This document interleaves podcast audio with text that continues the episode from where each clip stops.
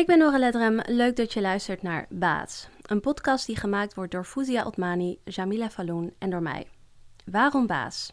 Omdat we continu verbaasd zijn over wat we lezen en horen. Zodoende ook de naam voor onze podcast Baas. Wat een verbazingskreet is in het Marokkaans. En uitgesproken op zijn Nederlands vormt het het woord baas. Omdat we baas zijn over ons eigen spreekbuis. In baas geven we ruimte aan stemmen, verhalen en thema's die wij belangrijk vinden. En in deze aflevering gaan we het hebben over dekolonisatie. Een woord dat we steeds vaker voorbij zien komen. Het dekoloniseren van het onderwijs, van de geest. En zo was er onlangs het nieuws dat het Amsterdam Museum de term de Gouden Eeuw niet meer gaat gebruiken om de periode van de 17e eeuw aan te duiden. Maar wat betekent het eigenlijk, dekolonisatie? En waarom is het belangrijk dat we ons hiermee bezighouden? We gaan erover in gesprek met Noël Mustafa en Zoher Hemena. Welkom. Dankjewel. Uh, voordat we het over het onderwerp gaan hebben, kunnen jullie jezelf eventjes uh, kort introduceren, Noël? Laten we met jou beginnen. Ja, ik ben dus uh, Noël Mustafa en ik heb een lange studieachtergrond gehad. Ik ben begonnen bij MBO, nee, VMBO, MBO, HBO en uiteindelijk op de universiteit terechtgekomen. Ik ben nu bezig met mijn tweede jaar van mijn PhD-onderzoek. Oké, okay, daar gaan we zo meteen wat meer over horen. Leuk. Jij?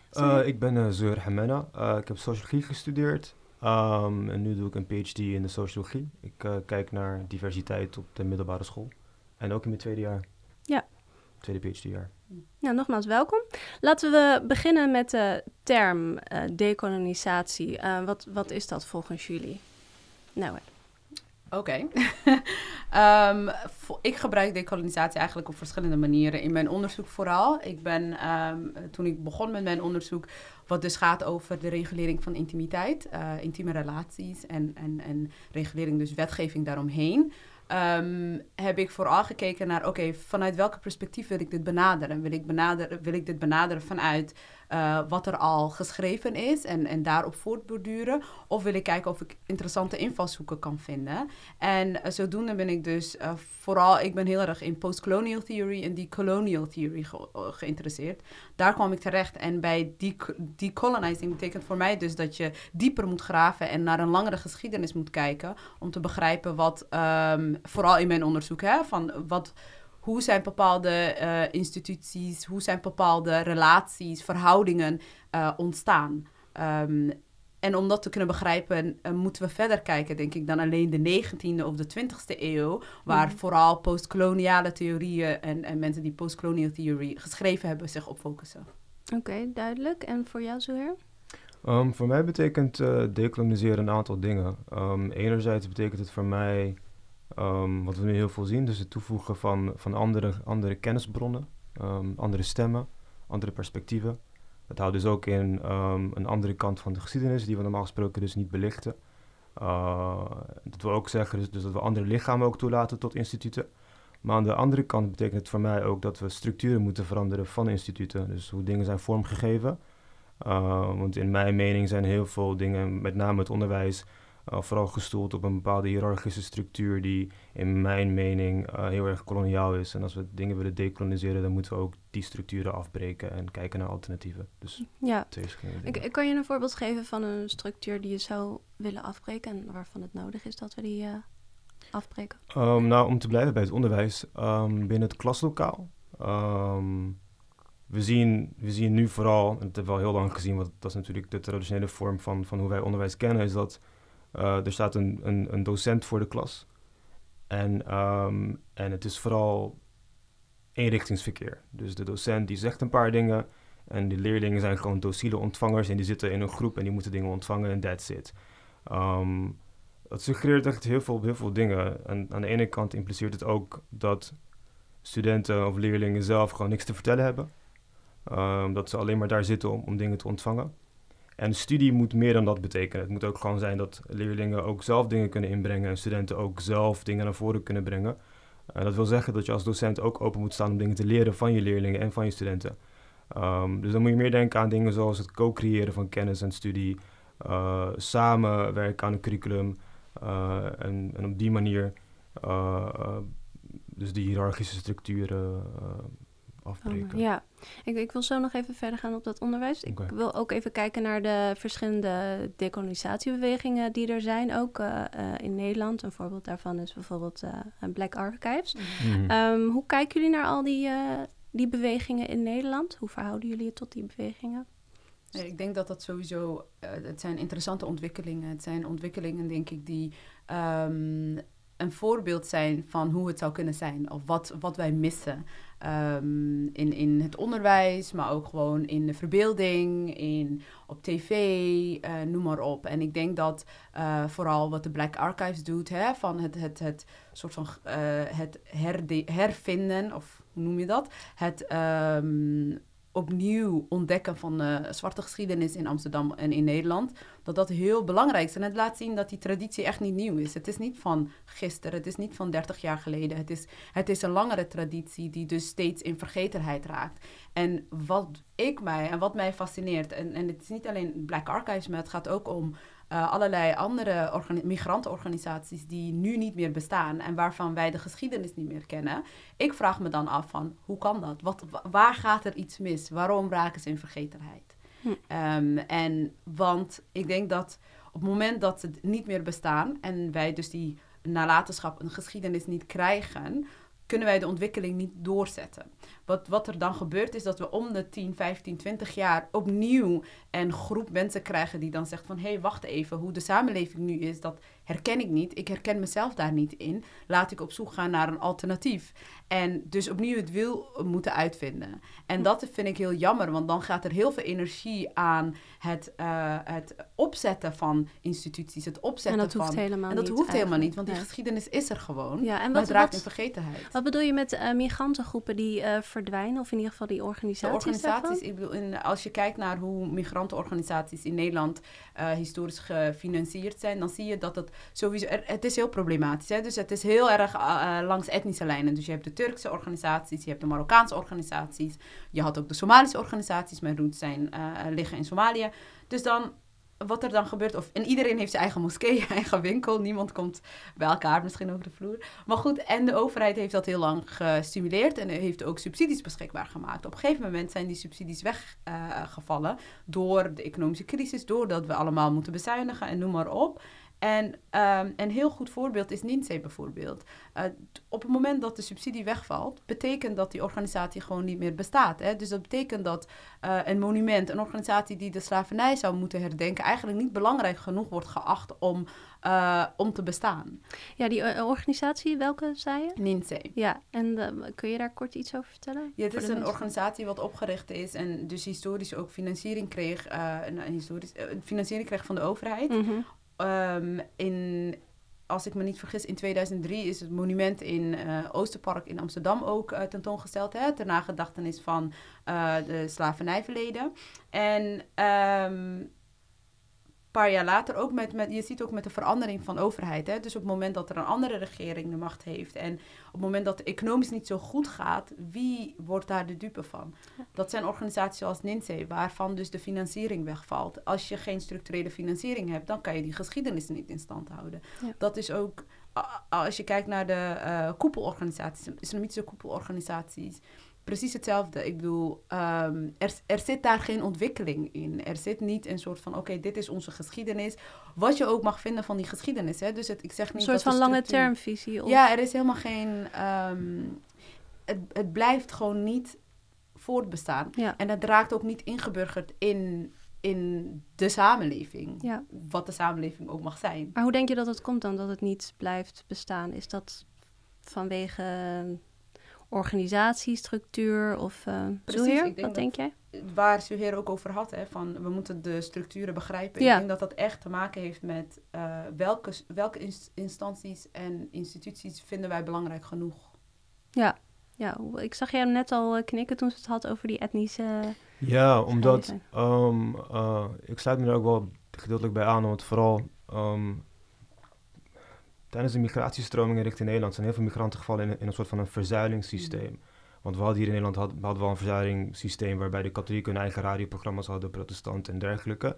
En het idee was dan een soort van om dat, om dat ook te doen met Marokkaanse Nederlanders en Turks Nederlanders, et cetera, et cetera. Uh, maar dit zijn, inherent zijn het eigenlijk al problematische structuren waar wij al in zijn gestopt. Mhm. Dus inderdaad, als wij, als wij daar als wij iets anders willen, dan moeten we daar, daar, daar los van breken. En dan moeten we inderdaad ook wel kijken naar waar dat vandaan komt en, en, en hoe die historie is opgebouwd. En daarvan leren.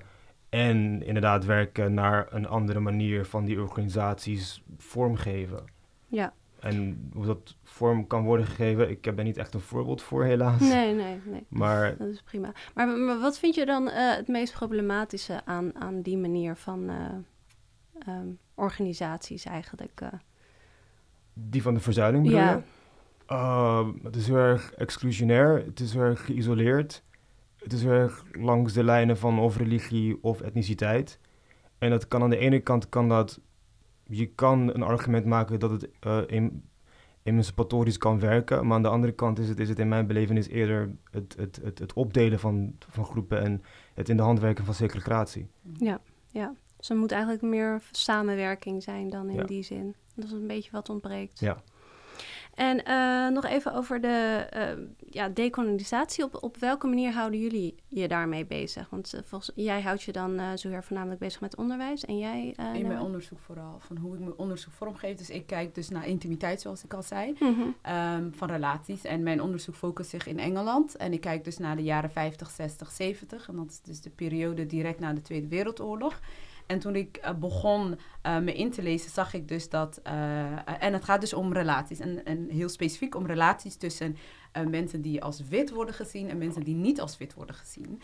En ik zeg dat bewust als niet wit, omdat de term zwart in Engeland nogal gecompliceerd is, omdat er verschillende bevolkingsgroepen daaronder vielen. Denk maar aan mensen uit India bijvoorbeeld, of uh, Caribische gebied. Dus, um, en het idee van political blackness was daar, uh, heeft dus een andere betekenis dan hoe wij het hier kennen of hoe wij uh, zwart zouden definiëren vanuit een Amerikaanse context. Ja. Hè? Dus um, vandaar dat ik dus heel bewust zeg van mensen die wit als niet wit worden gezien. En, um, en wat ik dus zag is dat alle relaties die uh, geproblematiseerd werden, waren relaties tussen witte mannen, um, uh, witte vrouwen, excuus, en zwarte mannen. Mm -hmm. Of niet witte mannen. En, um, en dat vond ik wel interessant, want het deed, mij, het deed me ook denken aan slavernij, waarin dus de toegang tot de zwarte vrouw eigenlijk uh, vrij spel was voor iedereen, uh, waarin zij tot niet alleen eigendom was om te werken, maar ook uh, in, in, in de intieme sfeer eigendom van de master was. En uh, het deed me ook denken aan de kolonisatieperiode, waarin dus um, indigenous huwelijken of uh, huwelijken die niet um, formeel waren, toegestaan waren voor Europese slash witte mannen. En ik dacht, oké, okay, maar hoe zit het dan met de vrouw die niet wit is? Um, wat voor... Is, valt zij niet onder de vrouw die beschermd moet worden... als je dan vanuit heel puur... Ja. Um, vanuit die invalshoek zou kijken? Want de hele retoriek was bescherming uh, uh, en... en, en, en, en dus eigenlijk een soort van... het, het, het Um, het onmogelijk maken van de vrijheden die een vrouw zou kunnen verwerven. Dan, dan zie je dat er op het moment dat je over ras, seksualiteit, uh, uh, gender bij elkaar gaat brengen, dat sommige vrouwen niet interessant genoeg zijn of de relaties die zij aangaan niet bedreigend genoeg zijn. Hm. En dat was voor mij een aanleiding geweest om juist te focussen op deze op, op vrouwen die niet, niet wit zijn en de relaties die ze eventueel aangaan met um, uh, witte mannen. En de angst of anxiety die het oproept bij de bevolking, maar ook bij de overheid. En ik wilde kijken van oké, okay, wat voor maatregelen werden dan getroffen. En dat heb ik toen bewust gedaan, omdat dat ingaat tegen A, hoe de, hoe de uh, literatuur op dat moment erin stond. En B, omdat die vrouwen, dus de zwarte vrouwen waar ik het over heb, vooral ook um, in de geschiedenis uh, uh, er is nu een hele movement in, in Engeland van Black and British. Black nogmaals, heel breed. Ja. Um, daarin worden zij niet meegenomen. Daar, ze, ze, ze, zijn er, maar ze zijn altijd... Uh, ze staan aan de zijkant. Ze Hm. zijn nooit de centrale figuur in, in de geschiedenis. Dus als het gaat om uh, de diaspora-gemeenschappen daar... zijn het vaak... Uh, of het wordt vanuit de gemeenschap, vanuit de blik van de man verteld vanuit de blik van een gezin of een familie of een land, maar nooit vanuit de blik van een vrouw. En voor mij was dat, dat essentieel Ja. om het op die manier te doen. Want dat, wat zegt dat over de, de huidige situatie eigenlijk? En eh, de manier waarop wij nu kijken naar die verhoudingen van eh, onder andere vrouwen van kleur. Ja, ik vind dat heel lastig om daar iets over te zeggen, omdat ik, eh, ja, ik kan mijn mening geven, maar... eh, Dat is prima. vanuit- nee, maar van- omdat dit mijn onderzoek is, vind ik het heel lastig Ja. om, het, om het dan mijn mening hierover te geven, omdat ik ook historisch kijk en niet naar hedendaags. Ja. Ehm, Maar dus- ik bedoel, we moeten ons hedendaags bezig gaan houden met dekolonisatie. Ja. Omdat het dus ook eh, te maken heeft met de geschiedenis en hoe wij nu kijken naar ehm, bepaalde groepen, als het Ja. ware. Nou, als je puur over eh, zwarte vrouwen zou hebben, hè, dus en dan eh, gaat het om bijvoorbeeld bepaalde eh, schoonheidsidealen. Die spelen daar een belangrijke rol. Het gaat om ehm, vaak als je, als je kijkt naar mannen van kleur die dan het gemaakt hebben, Ja. dan hebben ze vaak een, een witte partner bijvoorbeeld. Of Ja. dan ambiëren ze dat. Heel vaak als je, in, ik weet niet of je naar rapmuziek luistert, maar daar zie je dat heel vaak terugkomen. Hè? Van, Hm. Ehm, dat rijkdom, het gemaakt hebben, wordt direct ook gelinkt aan het hebben van een vrouw met een lichte huidskleur. Ehm, dus, en ik zeg nu ook bewust licht, omdat het gaat, vaak is het eh, eh, eh, dus witte vrouwen ideaal. Daarnaast daarnaast zijn vrouwen die dan licht getint zijn, komen dan daarna. En vrouwen die dan echt, of nou ja, eh donkerder kleuren zijn eigenlijk Er is gewoon een hele erg, palet eh, aan kleuren. Waar je, dat- en ja. dat zie je tot de dag van vandaag terugkomen. Ja. Eh, wie wordt gezien als, als, als, als een, een, een, een, toonbeeld van schoonheidsideaal, van vrouwelijkheid ook. Want, en ik denk dat het ook, ik wil het ook heel bewust maken, ik denk dat een double bind is. Het is en het zet witte vrouwen gevangen in, in een bepaalde ideaal. En het zet vrouwen van kleur gevangen in een bepaalde ideaal. Dus beide vrouwen worden gecontroleerd op die manier en onderdrukt op die manier. Ja, en ik, ik, ik vraag me bij jou af, Zoeher, ben jij ook een beetje terug de tijd ingegaan om eh, je bezig te houden met dekolonisatie van het huidige onderwijs? Ehm, niet bewust. Ehm, maar, je ziet, maar je ziet heel erg ehm, de, de invloed van, van, van, van dingen van vroeger zie, je- zie, terug in het heden. En ehm, voor mij is het niet zozeer... Ik vind het niet zozeer erg belangrijk om binnen mijn eigen project te kijken naar wat er in het verleden is gebeurd. Omdat het best wel duidelijk is dat die structuren er, nu nog zijn. En ehm, heel veel anderen hebben al, ehm, al die verbanden eh, blootgelegd tussen het verleden en nu. En die, hebben dat, dat zo goed gedaan dat, dat, dat ik daar het gevoel heb dat ik er niks aan toe te voegen heb per, per se op, op die manier. En meer wil kijken naar, oké, we hebben dus die invloed van, van wat er vroeger is gebeurd allemaal op het heden. Um, hoe gaan we vanaf nu verder richting de toekomst? En wat gebeurt er nu in het heden door al die invloeden van, van vroeger? En hoe kunnen we dat op een bepaalde manier dus eh, eh, eh, ja, her- herinterpreteren of herstructureren of wat dan ook? Ja, en waarom onderwijs voor jou? Omdat ik werk binnen het onderwijs. En voor mij is onderwijs ook ontzettend belangrijk binnen de samenleving. Het is, het is bij far de... ik bedoel, het, het, het heeft als functie... het is een, een mede-opvoeder voor, voor heel veel burgers. Ehm, het is een verspiegeling van wat er gebeurt in de samenleving. Maar de samenleving zelf is ook een verspiegeling van wat er gebeurt binnen het onderwijs. Eh, en, en om die reden vind ik het onderwijs ontzettend, ontzettend belangrijk. En ehm, als er veranderingen moeten gebeuren, die moeten overal gebeuren, maar ook vooral binnen het onderwijs. Ja, en je hebt een eh, artikel geschreven waarin je schrijft: het onderwijs decoloniseren betekent dus dat we het Westen moeten decentraliseren. Ja. Eh, kun je dat toelichten? Ja hoor, dat, eh, wat ik daarmee bedoel is, ehm, nogmaals, ik, ik, ik, ik, eh, ik, ik put, ik put eh, uit, uit heel veel postkoloniale en decoloniale theorieën eh, en, en heel veel auteurs hebben het echt geweldig eh, blootgelegd en geanalyseerd. Maar het punt is, is, simpelweg dat we nu, en, en vooral tenminste mijn eigen studie mijn eigen onderwijscarrière, alles wat we kregen was vooral gericht op het Westen.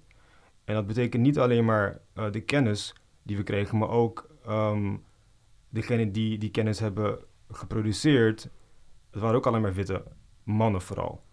Uh, en, wat, en wat ik bedoel met het decentraliseren van het Westen, betekent dus simpelweg dat we niet meer het Westen als focuspunt moeten hebben binnen het onderwijs, binnen, binnen curricula en, en, um, en binnen binnen de manier waar, waar, waarop we lesgeven. En dus inderdaad, wat nu ook wel langzamerhand gebeurt hoor. Dus, uh, ja, want ik wilde net toevoegen. vragen, is, is er uh, draagvlak uh, voor deze gedachte in het tegenwoordig, academische veld? Tegenwoordig wel, tegenwoordig wel. Het gebeurt heel langzaam. je merkt dat er meer mensen van kleur worden toegevoegd aan, um, aan curricula. meer vrouwen van kleur ook. Um, en dat is, dat is echt een goed begin. Mm -hmm. uh, maar het probleem daarmee is dat het, het worden extra's, het worden toevoegingen op wat er al bestaat. En dat is het probleem. Het decentraliseren van iets betekent ook dat datgene niet meer het centrum moet vormen of, of, of het middenpunt. En wat er nu gebeurt is, het blijft het middenpunt en dan worden de andere dingen aan toegevoegd. Ja. Als zijnde een extra of, of een andere stem of een ander perspectief. Wat ook wel interessant kan zijn waar we iets over moeten weten. Maar het Westen blijft het middenpunt en blijft centraal staan. En dat Ja. moet veranderen. Ja, en ehm, ik vraag me af, als je dan eh, het Westen niet centraal wil stellen, betekent dat dan ook niet dat je dus bepaalde mensen eruit moet halen, als het ware? Dus hè, als je het hebt over... Ja. Ja, Ja. dat is een heel erg duidelijke ja. Ja, sorry. Ja, en, en dan vraag ik me af, eh, wanneer je dus ruimte inneemt, dan, dan gaat dat dus ten koste van anderen eigenlijk. En wie gaat zijn ruimte afstaan? Dat is een moeilijke vraag. Ik bedoel, ehm, ehm, heel veel witte mannen die klagen nu al over quota's en over allerlei andere maatregelen. Ehm, ja, het is moeilijk. Kijk, aan de ene kant, ja, ze moeten gewoon plaatsmaken. ja, Binnen- het is... het binnen is- structuren, ja. weet je. Ik bedoel, ik bedoel, als ze plek innemen en, en, en als, als anderen geen plek krijgen. En ook, ook ik bedoel, als, we het, als, als we het hebben over, over een quotum. ik bedoel, het speelveld is al niet gelijk. En dat Mhm. betekent dus, als we het speelveld gelijk willen krijgen tussen mannen en vrouwen dan, dan moeten we ervoor zorgen dat meer vrouwen binnenkomen en meer vrouwen op dat spelveld komen. En dat betekent dus ook dat we meer vrouwen moeten gaan aannemen bewust. En daarvoor moeten we ook een quotum hebben. Ehm, kijk, uiteindelijk wil je inderdaad dat, dat zo'n structuur bestaat zonder dat mensen plek innemen of plek moeten afstaan. Ja. Dat, dat is het, het doel. Ja. Maar zolang we daar, daar niet zijn en we alsnog moeten gaan werken binnen een structuur waar mensen plek innemen, Mhm. dan moeten bepaalde mensen die dusdanig, omdat ze bijvoorbeeld on- onderdeel uitmaken van witheid of van bepaalde privileges, dan moeten ze toch op de een of andere manier moeten we gaan, gaan kijken of mensen plek kunnen, kunnen, plekken kunnen delen. Ja, Ik denk, ik denk dat dat mooi even woord is. Plekken delen. En ik denk, en ik denk dat ik denk, ja, nu ik erover nadenk, bedoel, het gaat eigenlijk niet over plekken afstaan per se, maar het gaat over dat we samen plekken innemen en samen werken. Dus, dus dat wil niet zeggen dat, er, dat, dat we allerlei witte mannen weg moeten kicken uit, uit, uit, uit posities. Maar dat er een, een gelijkwaardigheid moet zijn tussen, tussen verschillende eh, eh, perspectieven en verschillende stemmen. hoe zie jij dat, Noah? Ja, ik, eh, ik kan me wel ehm, daar ook in vinden. Maar ik denk echt, kijk, eh, dit gaat dan heel erg over inclusie en, en, en ehm, diversiteit op de universiteit bijvoorbeeld. Eh, plekken wat ik dan redelijk goed ken. En ik denk dat gaat niet zonder pijn of zonder frictie. Dus dat betekent dat het gewoon ook dat mensen gewoon echt plek moeten maken. Mhm. Dus wel plek maken. ja, ja, ja. Ik, ik, heb, ik vind... Kijk, ik, het is... Kijk, het is geen persoon, het is niet interpersoonlijk, hè. Dus het is niet zo dat ik dan zeg van, oké Jaap, jij moet weg, want eh, jij neemt een plek in. Maar ik denk, als wij een visie, een gedeelte visie hebben op hoe de universiteit eruit moet zien, dan moeten we nu veranderingen doorvoeren die over 10 jaar, 15 jaar misschien de vrucht, waar we dan de vruchten van gaan zien. Mhm. Dus dan denk ik, ja, dan kunnen we misschien voorzichtig zijn en, en, en op dat interpersoonlijke zoiets hebben van, oké, ehm, ja, het is lullig dat je jouw baan verliest. Of het is, hè, dat snap ik helemaal. Maar ik denk tegelijkertijd, als die gedeelde visie onze eh, intentie is, dan Maar moeten we ook daarin investeren. Gedeelde visie van wie? Kijk, als de, een universiteit zich wil, eh, wil ehm, eh, eh, ja, identificeren als een diverse universiteit, Mhm. dan betekent dat ook iets. Diversiteit is niet alleen de studentenpopulatie die rondloopt op die universiteit. Ja. Ik vind dat de diversiteit ook op alle lagen van de universiteit weer spiegeld moet worden. Ja. Dat betekent ook dat het in je, in je ehm, PhD-staf, in je docentenstaf, in je professoren, et cetera, Ja. dat je dat terug moet zien. En, eh, en dat is niet iets wat in één keer gedaan eh, gaat worden. Hè? Dus het is een proces wat gewoon op lange adem moet eh, gebeuren. En dat betekent dat je moet nu al beginnen met wie je aanneemt, wie je, wie je ziet als een mogelijke PhD-kandidaat. wie je ziet als mogelijke docent. Ehm, en het is ook het herkennen van talent. Ik denk dat heel veel mensen niet de intentie hebben om, om uh, bijvoorbeeld als ze in een sollicitatiecommissie zitten een witte kandidaat voor te laten gaan dan een uh, kandidaat van kleur. Maar ik denk dat dat ook het herkennen, het is dat je jezelf associeert met een bepaalde persoon. En, en dan dat die persoon dan de baan krijgt en noem maar op. Maar als je dan een veranderingsstrategie hebt Ehm, dan moet je dat gewoon heel, heel erg, um, ja, met, met, met, met, uh, dan moet je dat gewoon doorvoeren. En ik denk, om een heel goed voorbeeld van, uh, van dit te geven, is bijvoorbeeld, ik weet niet of jullie dat hebben gezien, maar van de brandweer uh, in Amsterdam ja. was er onlangs heel veel gedoe. En ik vind wat, wat die man, Leen Schaap, gedaan heeft, vind ik geweldig. Want dan denk ik, oké, hij ziet dat het niet werkt om met elkaar te gaan praten en noem maar op. En hij had zoiets van, oké, maar ik wil gewoon iets veranderen hier. Ja, maar hij is wel echt ehm, heel erg tegengehouden. Hè? Want zijn aanpak was ehm, radicaal voor sommige mensen. Hè? En zoals hij ook in interviews uh, aangaf van, hè, de mensen voor mij, die wilden alleen maar verbinden, verbinden. Ja, Nou, dat heeft niks opgeleverd. Ja. Dus hij dacht, ik moet het radicaal anders uh, aanpakken. En vervolgens is hij toch... Uh, ja, dan heeft hij ermee moeten stoppen of eigenlijk... Uh... Ja, maar ik denk dat hij wel een indruk... Hij heeft wel een verandering. Kijk, ja. het feit dat hij persoonlijk moet stoppen is een ding. En dat vind ik erg. Maar het feit dat hij zoveel reuring heeft gecreëerd... binnen en buiten de organisatie... vind ik heel belangrijk. Want ik denk dat wij vaak heel erg resultaatgericht zijn. En ik denk dat we meer proces, procesgericht moeten zijn. En hij heeft een proces in gang gezet wat nog niet af is. Maar hij heeft misschien 0,5 stap gezet. Niet eens een volle stap, maar hij heeft iets in werking gezet. En ik, ik persoonlijk geloof daarin. Want ik denk, als we het hebben over decolonizing the university of uh, diversiteit of noem maar op, wat voor term je ook wil gebruiken ik denk niet dat wij ons, en, ik, en als ik wij zeg, bedoel ik mensen van kleur, vrouwen, noem maar op, die, iedereen die gemarginaliseerd is. Ik denk niet dat we ons kunnen veroorloven om alleen maar naar resultaten te kijken, want dan raken we gedeprimeerd, dan raken we verbitterd, omdat er bar weinig verandert. Ehm, ik denk dat we meer moeten inzetten op de, het, het proces. En ik denk dat we meer moeten inzetten op. Um, en hoe doen we dat trouwens? Dus het, nou inzetten, dus, in, inzetten uh, in, dat, in dat proces, uh, hoe, hoe doe je zoiets? Dat doe je door bijvoorbeeld, ik zit nu op een universiteit, ik let op wat doseer ik, wat voor kritische vragen stel ik, wat voor um, uh, welke studenten, um, weet je, hoe ga ik om met mijn studenten? Ik doe dat door wat voor gastdocenten ga ik uitnodigen, um, wat voor literatuur, alternatieve literatuur geef ik aan. Dus het is, en het is heel weinig. Ik, ik maak me geen illusie dat dat de verandering is. Maar als Zuher dat uh, uh, hier op de Erasmus doet, of ik doe dat op de VU, of noem maar op, dan. Ik geloof echt dat, dat, dat er verschillende um, mensen op verschillende plekken bezig zijn om Nederland te veranderen. Wij herkennen, wij zien elkaar niet, we, zijn, we staan niet met elkaar in contact. Er is niet een soort van een, een meeting van alle mensen die Nederland willen veranderen of zo. Helaas. nee. Was het maar zo. Ja, precies. Nee, maar ik kan me wel voorstellen dat, uh, dat je elkaar misschien opzoekt. En dat je wel de behoefte hebt aan lotgenoten. En als je dat doet, op, op wat voor manier doe je dat dan? Wil jij gaan? Zo her. Um, ja, het zijn vooral gewoon gemeenschappen die dicht bij mij staan. Ik bedoel, ik, ik, ik heb een paar mensen binnen de universiteit met wie ik het goed kan vinden. En die ook wel, denk ik, um, hetzelfde wereldbeeld hebben als ik. En op dezelfde manier kijken naar de wereld. Uh, maar ook buiten de, universiteit. het, zijn, het, zijn ook, het zijn van die kleine gemeenschappen met mijn vrienden. Of het zijn mm. mensen die, die, die uh, zich inzetten tegen racisme. En, uh, want als we het toch hebben over decolonisatiebewegingen, dat is voor mij is, is een antiracismebeweging precies hetzelfde. Of een antiseksismebeweging is ook ja. decoloniseren. Uh, antiklimaatverandering, idem, is precies hetzelfde. Maar ik zou toch wel even willen, terugkomen op, op, op, op het hele verhaal rondom die plekken innemen. Um,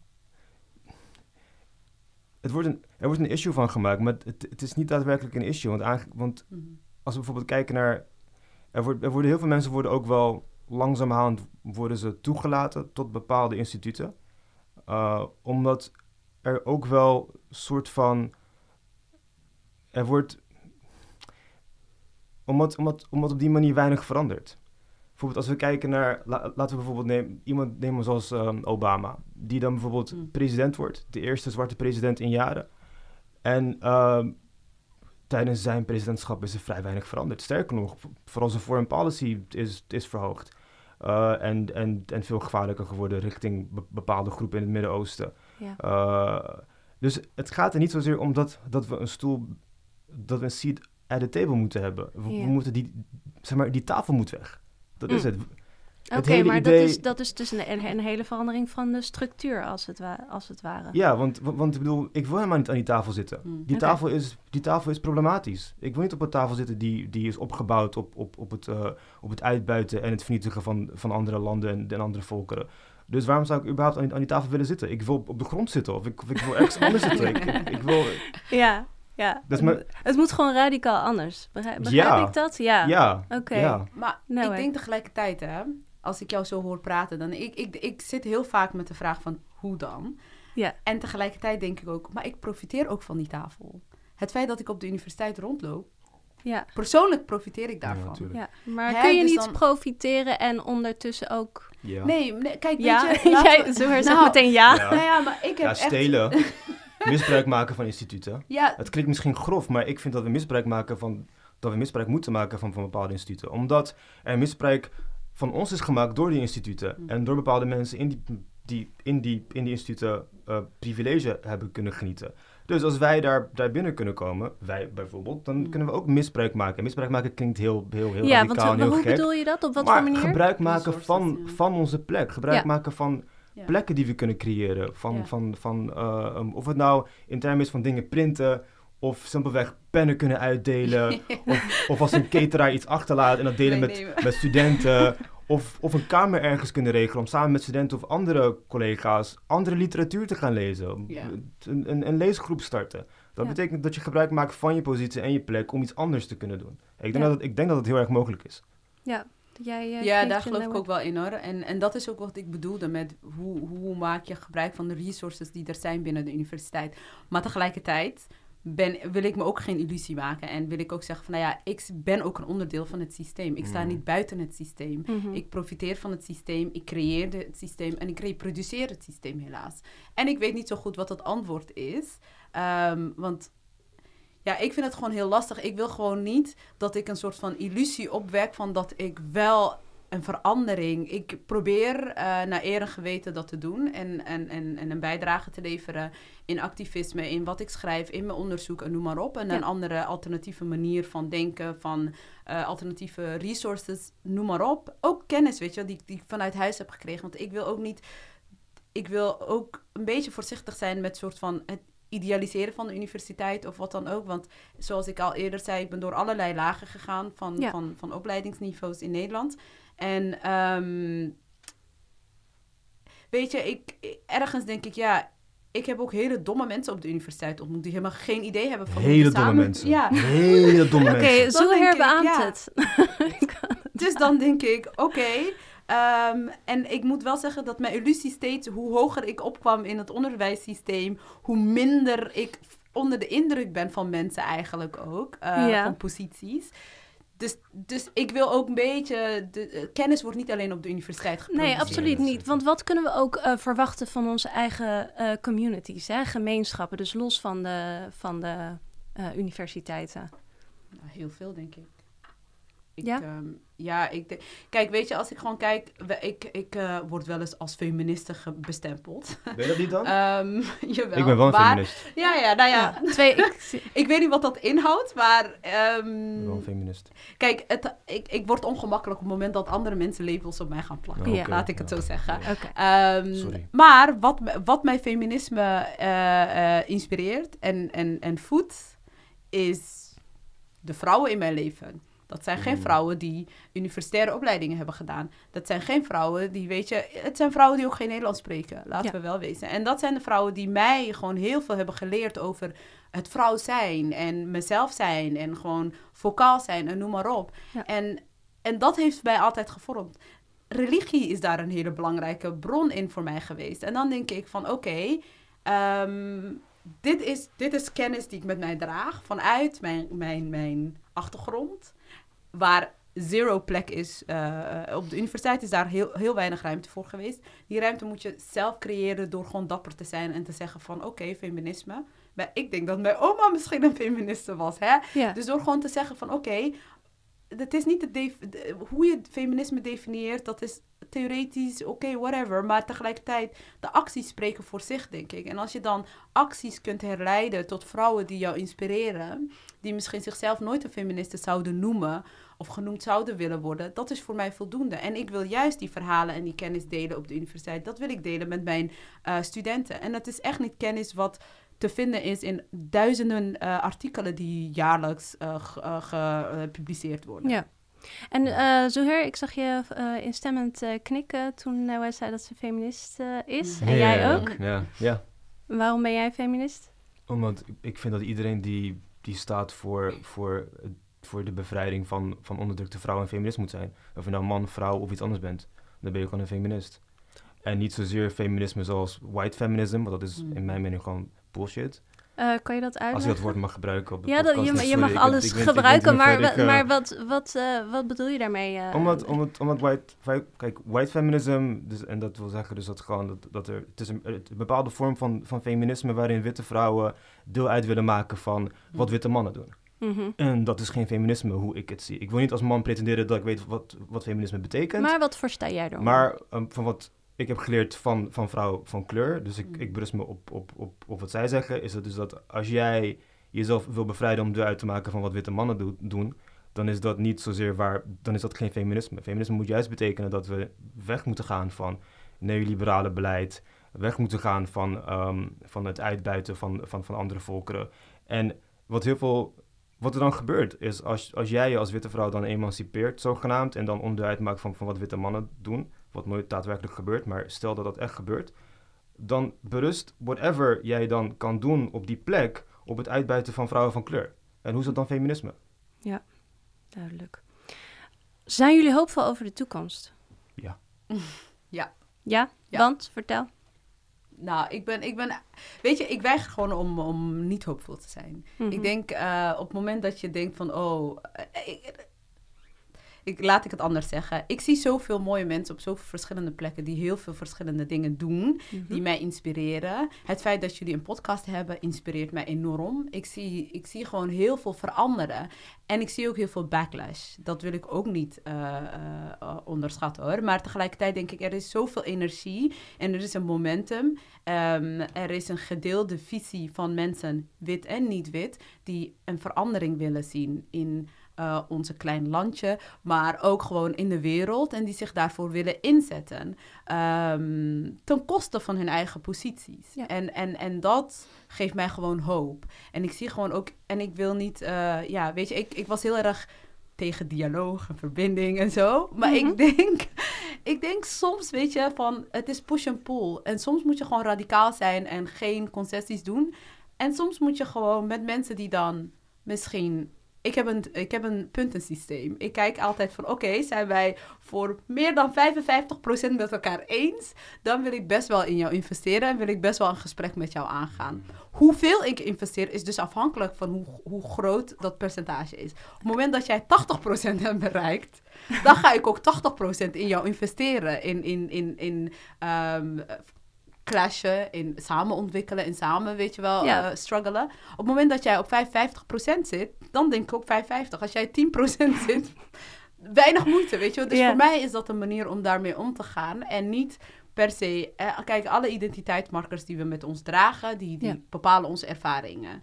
Uh, maar ik denk dat we ook gewoon... Ik ben op zoek naar een manier om mijn eigen identiteit te kunnen ontstijgen... door uh, de ander ook te leren kennen.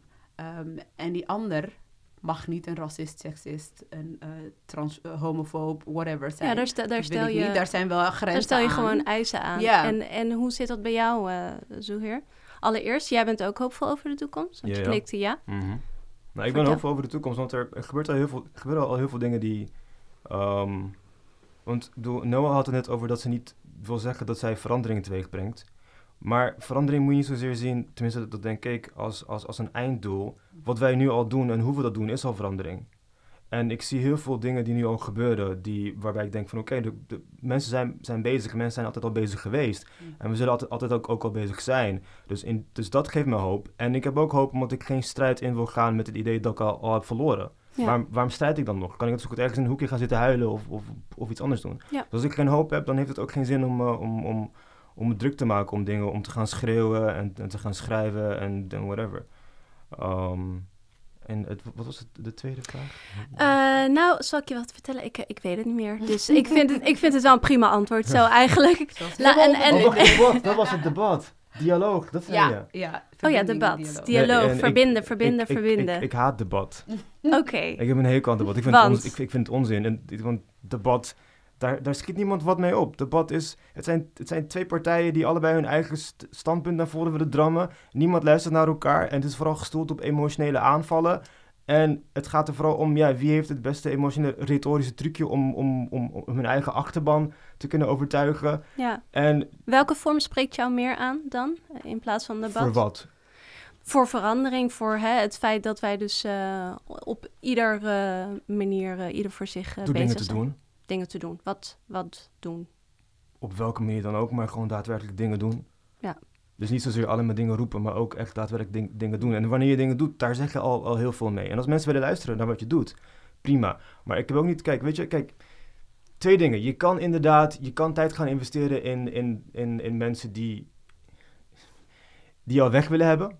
Want dat is het. Want ik bedoel, ik, een paar jaar geleden, toen ik, toen ik wilde, zag staan op een podium en, en vragen of, of, of mensen minder of meer Marokkanen wilden hebben. En, en, en iedereen scandeerde minder, minder, minder. En hij zei, ja, dat gaan we regelen. Had ik niet het idee van, oké, okay, ik ga erheen, ik ga met die mensen praten en debat voeren. Die mensen willen mij hier niet hebben. Ja. Um, en, en, en dat wil niet zeggen dat ik, dat, dat, ik ze haat of een afkeer heb jegens al die mensen. Mm -hmm. Dat wil ook niet zeggen dat ze niet kunnen veranderen. Maar ik heb het idee dat ik niks opschiet of niks teweeg breng als ik met al die mensen in debat ga om ze te overtuigen. Want als, als zij al ervan uitgaan dat ik hier geen plek mag hebben, dan zijn ze al overtuigd van mijn minderwaardigheidspositie vergeleken met die zij hebben. En dan moet ik mijzelf gaan investeren en tijd gaan vrijmaken en emotionele labor gaan, uit, gaan uitvoeren om hen te overtuigen van mijn bestaansrecht en van wie ik ben en of ik er mag zijn. Ja. Nee, dat ga ik echt niet doen. Nee. Nou, Nou, dat is niet de groep die ik bedoel, hè? Dat Oké, Nee, sorry, maar dat- ja, ja. ja. nee, maar dat, Dat, dat is niet de ik, groep hoor, die ik, eh, is- waarin ik Ja. in zou investeren. Maar het Ja. gaat ook debat en dialoog Maar je gaf met, ons met, met, on, met mensen die gelijkgezind zijn. Hè? Ja, dus, ja. Want daar gaat ook heel veel mis. Zeker, want daar kan natuurlijk ook het een en ander van eh, verschillen qua mening natuurlijk. Duidelijk. Eh, voordat we afsluiten eh, wil ik graag nog eventjes weten van jullie waar jullie zo al naar eh, kijken. Zijn er eh, documentaire of films of boeken die jullie ons kunnen aanraden, die we kunnen meenemen? Ja, maar ja, wat voor boeken wil je het liefst Nou, het liefst, het liefst een beetje met betrekking op dit thema. Ja, academisch, niet academisch? Nou, doe maar eh, niet. Heeft hij niks te vertellen. Oké, is- je, gaf, je gaf mij een keus. Ja, Dus, er is, er, er is volgens mij een paar dagen geleden is er een nieuwe serie op Netflix eh, gedropt. En die heet Raising Diane. Ik heb hem zelf nog Oh, niet ja. gezien. Ja. Maar het, maar het gaat volgens mij over, over een zwarte vrouw die, die een zwarte zoon opvoedt. Dus, dus een single mother, maar haar zoon heeft superkrachten. Dus, dus, dus, het, is een, Ah, het is echt een heel interessant concept. Ik heb Oké, het zelf, cool. zelf nog niet gezien, dus ik weet niet hoe goed het is. Ik Ja. zie hier wel geknikt van dat het wel heel goed is, Ja. maar... Ik denk dat het wel een, een, een, een aanrader is om wat iets luchtigers te kijken, maar toch nog wel met heel veel politiek. Raising Diane. En, ja. Cool. Oké, verder nog iets? Of, Ja, ik heb heel eh, veel boeken, maar het zijn academische boeken. Maar ze zijn wel heel goed. Ja, oké. één titel. Eén titel? Eén titel. De- de- eh, Oké, ehm, Denk anders The even na. Undercommons. Wat? The Undercommons. The Undercommons. Fugitive Planning and Black Study. The Undercommons, oké. Van Fred Moten en Stefano Harney. En waarom moeten we die lezen? Omdat Kort. het- dat, dat boek heeft, heeft mij heel erg beïnvloed. En het is een geweldig boek. Het gaat over... Het boek is, is gestoeld in Black Studies. En het gaat over de universiteit. Het gaat over dingen buiten de universiteit. Eh, het gaat over hoe wij... Heel kort, de Undercommons is een plek tussen plekken.